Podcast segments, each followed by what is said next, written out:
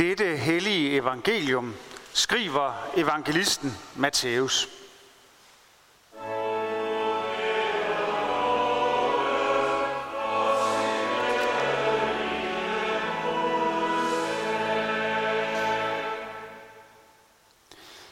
Jesus sagde, I har hørt, at der er sagt, du skal elske din næste og hade din fjende.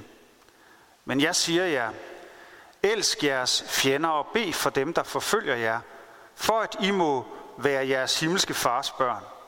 For han lader sin sol stå op over onde og gode, og lad det regne over retfærdige og uretfærdige. Hvis I kun elsker dem, der elsker jer, ja, hvad løn kan I så forvente? Det gør tollerne også. Og hvis I kun hilser på jeres brødre, hvad særligt gør I så? Det gør hedningerne også. Så vær da fuldkommende, som jeres himmelske far er fuldkommen. Amen.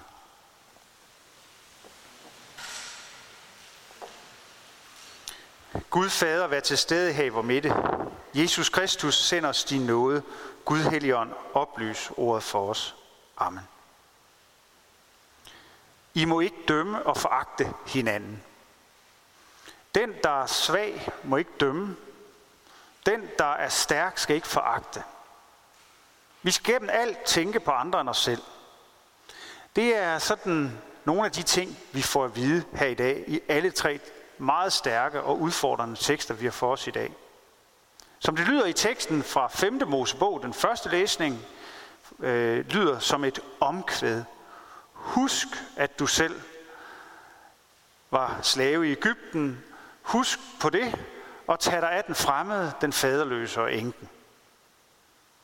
Et udtryk for, at det med et socialt sikkerhedsnet, det er ikke en ny opfindelse, det er faktisk en bibelsk, et bibelsk begreb. Og så har vi også øh, Jesu klare, på mange måder tankevridende befaling til os. Elsk jeres fjender. Velsign dem, der forbander jer.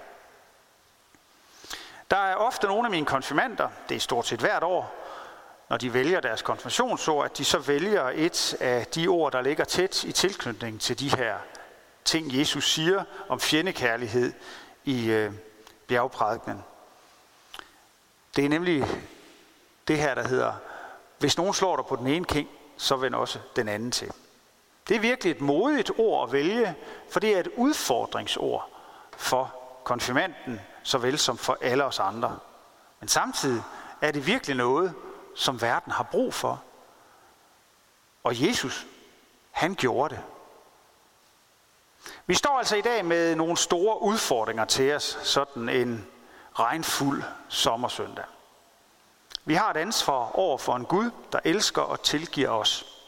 Os, som elsker og tilgiver vores næste, også vores fjender, elsker de andre. Og derfor skal vi ikke dømme og fagte hinanden. Vi skal tage os af hinanden og en og elske dem, der forfølger os. I den forgangne uge, der skete der noget historisk ildevarslende og dybt forstemmende. I Kina, eller Kina, de vedtog en meget skrab lov, der forbyder protester i Hongkong på en lang række planer. Det ser ud til at held til at lukke munden på de millioner af mennesker, der i det sidste års tid har protesteret til tider fredeligt, nogle gange meget voldsomt, for selvbestemmelse og demokrati og menneskerettigheder. På en måde kan man sige, at det Kina siger til demokratiforkæmperne, i grunden er et form for forvredent lån fra Paulus. I må ikke dømme og foragte Kina, altså enheden i den kinesiske stat. Og derfor tvinges den, vi må kalde den svage part, altså den, der ikke har nogen magt, og det er jo de her, der går på gaden for at demonstrere, det er jo dem, der protesterer mod magthaverne. De tvinges den svage til ikke at dømme dem, der har magten, altså den stærke, ved at de altså ikke må protestere eller demonstrere for det, de står for. Og den svage må heller ikke foragte den stærke, altså mene, at det, den stærke står for, er forkert, altså kæmpe for demokrati, selvstændighed eller menneskerettigheder. Med vold og retsløse diktatormetoder, knægtes ytringsfrihed og retten til at mene noget andet end det, den stærke mener. Kinas voldsomme fremfærd i den forgangne uge, det er et eksempel på, at hvis man anvender magt til at ville opnå en tilstand af fred og harmoni og enighed og stabilitet, altså vold og magt, ja, så underminerer man det, man ønsker at opnå.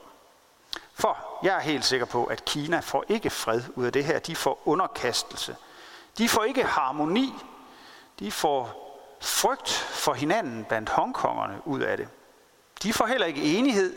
De lukker munden på dem, der mener noget andet. De får heller ikke stabilitet. De skaber derimod en usikker fremtid uden håb.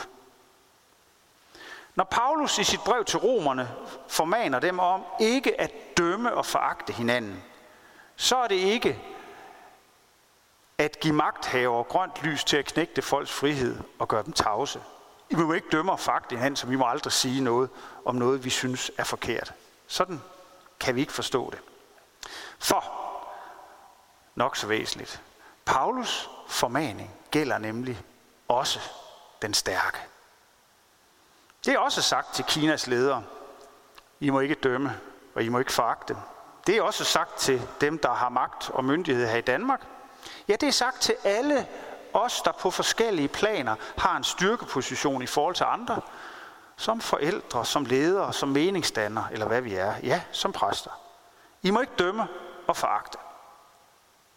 Spændende er det, at Paulus' ord om ikke at dømme og foragte netop kommer i et langt afsnit i hans brev til romerne, der handler om, at de stærke har et særligt ansvar for de svage. I Romerbrevet handler det om noget i de her øh, afsnit, om noget, som kan virke meget fjernt fra os. Nemlig om spørgsmålet om, må man godt spise kød, som er offret til romerske guder.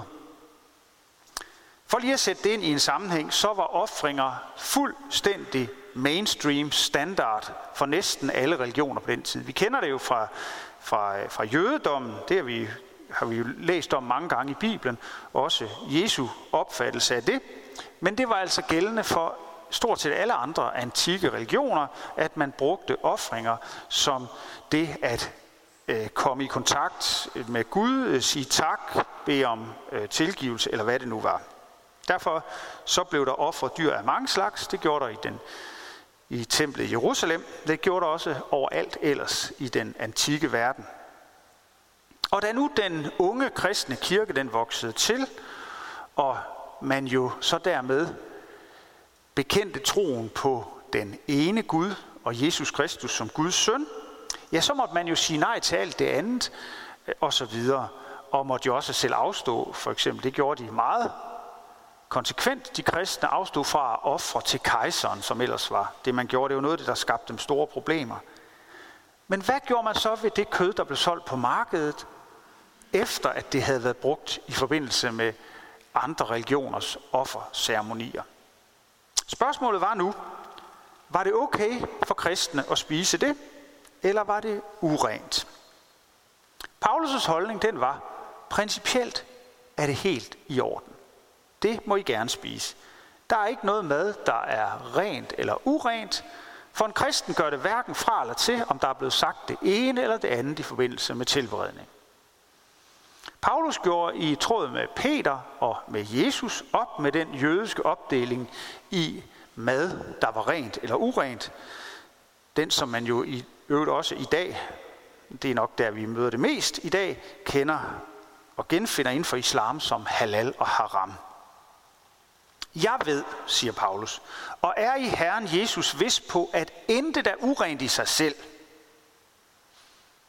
Men så tilføjer han, men for den, der regner noget for urent, er det urent.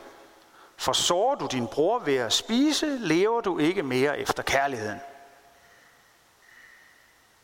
Samtidig med, at Paulus altså slår fast, at intet mad, eller intet øh, kan man sige, kulturelt udtryk, eller så videre, er urent i sig selv, så lægger han vægten på at vise hensyn til hinanden. Hvis nogle, måske nogle, som er nye i troen, bliver bekymrede, bliver usikre, bliver bange eller ligefrem bliver lidt væk fra troen ved, at man spiser kød, der har været offer til fremmede guder, ja, siger Paulus, så lad være. Den stærke skal heller ikke foragte den svage, der er usikker og bekymret. Det siger han klart. Og faktisk formaner Paulus også den svage, at han ikke skal dømme den stærke. Han har sådan en sætning, som egentlig siger tingene på én gang, sådan en form for aktion. Han siger, den der spiser, altså har det okay med at spise kød, som har været offret til fremmede guder, fordi der er jo ikke noget, der er rent eller urent er med. Alt er fint. Det er den stærkeste position. Den, der spiser, må ikke foragte den, der ikke spiser. Og den, der ikke spiser, må ikke dømme den, der spiser. Fortsætter Paulus så. Uanset hvem vi er, så udfordres vi her i det her af Paulus til omsorg for hinanden, til nænsomhed, til lydhørhed. Uha, måske var der nogen, der skulle tænke over, hvordan de skrev indlæg på Facebook. Vi udfordrer sikkert at holde på vores ret. Vi udfordres til at gøre det ekstra, vi formelt set ikke behøver. Altså tage hensyn til en, som egentlig har et forbehold, vi ikke selv synes er særlig vigtigt. Men af hensyn til næsten gør vi, går vi den ekstra kilometer. Hvorfor? Af kærlighed. Det udfordrende, ja det besværlige i dag, det er, at vi skal fatte, at kærlighed trumfer realisme, kærlighed trumfer økonomi, kærlighed trumfer retfærdighedssans, kærlighed trumfer rimelighed og principfasthed. Det er det, Paulus vil have slået fast for os. Og Jesus, ja, vi kan jo nærmest sige, at han strammer skruen en ekstra tand. Når han siger, det her det er jo et spørgsmål om, det Paulus taler om, det er jo i første omgang et spørgsmål om, hvordan kristne brødre og søstre skal være over for hinanden. Men Jesus, han siger, I skal elske jeres fjender, velsign den, der forbander jer.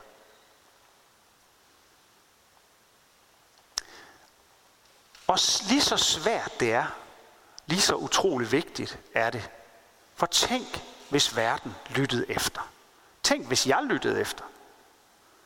Tænk, hvis vi lyttede efter, at vi selv er elsket og velsignet på trods.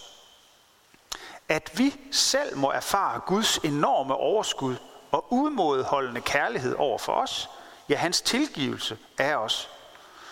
Det var jo det, der var fokus faktisk sidste søndag, den her umådeholdende, enorme, det er det overskud af tilgivelse, som vi hører i lignelsen om den fortabte søn, hvor den kærlige far tager imod sin søn, der har formøblet det hele. Vi skal altså høre det her. Når nu du er genstand for så stor en kærlighed fra Gud, jamen så skal du da også være overbærende, fagnende og umådeholdende i den kærlighed, du viser andre. Og når du fejler, også fejler med det, ja, der er du stadig elsket af Gud. Erkend, at du fejler. Erkend, at du først og sidst må få lov til at være et nådens barn. En, der hele tiden igen og igen har brug for Guds overstrømmende nåde, og derfor også selv må indordne dig under kærligheden. For et års tid siden i Hongkong, der var der millioner og er der millioner på gaderne der. Og der var faktisk en gruppe kristne, som var meget centrale i den, på, i den periode af, af demonstrationerne. Og i en periode, der øh, fik de kristne hele kæmpe folkemængder til at synge en salme, som blev en form for signatur for den her demokratibevægelse. En opfordring til at afstå fra vold og had, mens menneskemængden sang Sing Hallelujah to the Lord. Det var sidste år. Nu må man sige, at der er blevet tavst, og demokratibevægelsen er i knæ. Men den sang, den skal lyde igen. Og der skal bes for de undertrykte, og der skal bes for undertrykkerne. Vi skal altså både bede for dem, der bliver forfulgt, men vi skal også bede for dem, der forfølger. Det er jo det, Jesus udfordrer os til. Velsign dem, der forbander jer. Der skal vises omsorg, hensyn og tilbageholdenhed. Det skal vi også tage til os her i Danmark, når vi debatterer med hinanden. For I må ikke dømme. I må ikke foragte hinanden. I må ikke glemme den fremmede, den faderløse eller enken. Elsk dine fjender. Velsign dem, der forbander dig. For du er selv elsket af en Gud, der ikke dømmer og foragter dig. Der ikke glemmer dig, men har gjort dig til sit barn. På trods. Hvem er jeg? Hvem er du? Ja, hvem er vi? Vi er nådens børn. Lad os leve som sådan. Amen.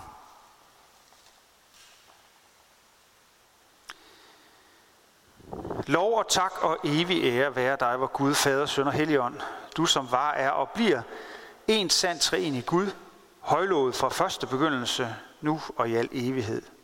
Amen. Hellige Gud og himmelske Far, vi lover og tilbeder dig, som i godhed skænker os livet og alle det skaber. Vi takker dig for jorden, som du har skabt. Lad os at tage vare på den og ikke ødelægge den.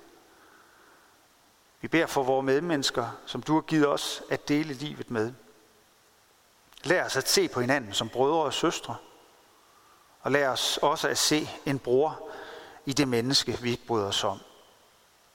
Vi takker dig for Jesus Kristus, din elskede søn, som blev vor bror, som levede, døde og opstod for os, for nådens og sandhedens ånd, som har taget bolig i os, for genfødelsen i dåben, for evangeliets lys og for dit nærvær og din velsignelse i nadvånd. Vi beder dig for din kirke ud over hele jorden og her hos os i Herningssorg. Tag ikke nådens og sandhedens tog fra os. Bevar os alle i troen og den indbyrdes kærlighed. Lad håbet om dit komme være levende i blandt os. Giv os trofaste ledere og forkyndere af dit ord. Forbarm dig over alle, der far vild, over dem, der lider for dit navns skyld. Og lad dit evangelium komme ud til alle folkeslag. Vi beder for vores hjem og vores kære, for vores daglige liv med hinanden i arbejde og fritid. Vi beder dig om fred mellem nationerne og for folkenes regeringer. Vi beder dig også om fred og forsoning mellem israelere og palæstinensere. Vi beder om fred i Syrien og i Ukraine, ja hvor som helst mennesker lever vendt mod hinanden. Vi beder dig for Danmark. Bevar os som et folk blandt folkene. Vi beder dig for alle med al lovlig øvrighed og for alle, der har et ansvar her i vores samfund. For dronning Margrethe og hele det kongelige hus. For regering, folketing, domstole, regionsråd og kommunalbestyrelse.